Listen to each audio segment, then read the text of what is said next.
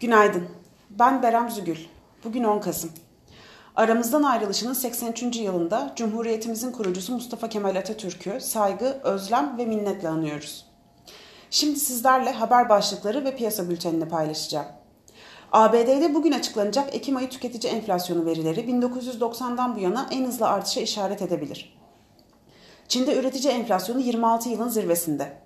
Vadeli ve opsiyon piyasalarındaki euro dolar traderları Fed'den keskin ve kısa bir faiz artırım döngüsü bekliyor. Goldman stratejistlerine göre yeni piyasa döngüsünde tahviller cazibesini yitirebilir. Portföylerde hisse ağırlığı artırılabilir. Çin verisi sonrası küresel borsalar ekside. Bugün yurt içinde işsizlik verileri açıklanacak. Piyasalara genel olarak bakacak olursak, pay piyasalarında global risk alma iştahı güçlü kalmaya devam etse de ABD enflasyonuna ilişkin endişeler yükselmeye başladı. Enflasyon endişelerinin yükselmesi risk iştahını zayıflatarak borsalarda kar satışlarına neden olabilir. Yurt dışı majör borsalar günü genel olarak sınırlı düşüşle tamamladı.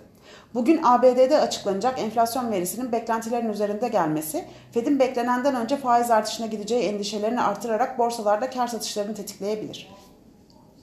Borsa İstanbul pay piyasalarının kapanışına göre ABD ve Almanya vadeli endeksleri negatif seyir izlerken Çin enflasyon verisinin beklentilerin üzerinde gelmesi sonrası Asya borsalarında da güçlü satış baskısı var. Endeksin güne hafif pozitif eğilimle başlaması beklenirken gün içinde yükseliş eğilimi devam etse de bu yükselişin kar satışı fırsatı olarak kullanılması ve gün içinde kar satışları yaşanması beklenmektedir. Teknik analiz verilerine bakacak olursak endeks gün içinde 1600, kısa vadede 1540 üzerinde tutundukça kar satışları yaşansa da alım fırsatı olarak değerlendirilmesi ve yükseliş trendinin 1656 üzerinde 1680 seviyelerini hedefleyerek devam etmesi beklenir. Endeksin 1600 altına gelmesi durumunda kar satışlarının 1570'ler ilk hedef olmak üzere güç kazanması ve bu seviye altında 1547'deki fiyat boşluğuna doğru kar satışlarının devam etmesi beklenir. Gün içinde 1600 lira gerileme trade amaçlı alım fırsatı, 1632 ve üzerine düşük hacimli yükseliş ise kar satışı fırsatı olarak takip edilebilir. Teknik göstergelerdeki güçlü görünüm devam etse de momentumdaki negatif eğilim kar satışları yaşanacağını işaret ediyor. Endeksin güne hafif pozitif eğilimle başlaması beklenirken gün içinde kar satışları yaşanma ihtimali göz önünde bulundurulmalıdır. Viyop tarafında ise endeks kontratının güne yataya eğilimle başlamasını bekliyoruz. Endeks gün içinde 1778, kısa vadede 1710 üzerinde tutundukça geri çekilmeler yaşansa da yükselişini 1845 seviyeleri ilk hedef olmak üzere devam ettirmesi beklenir.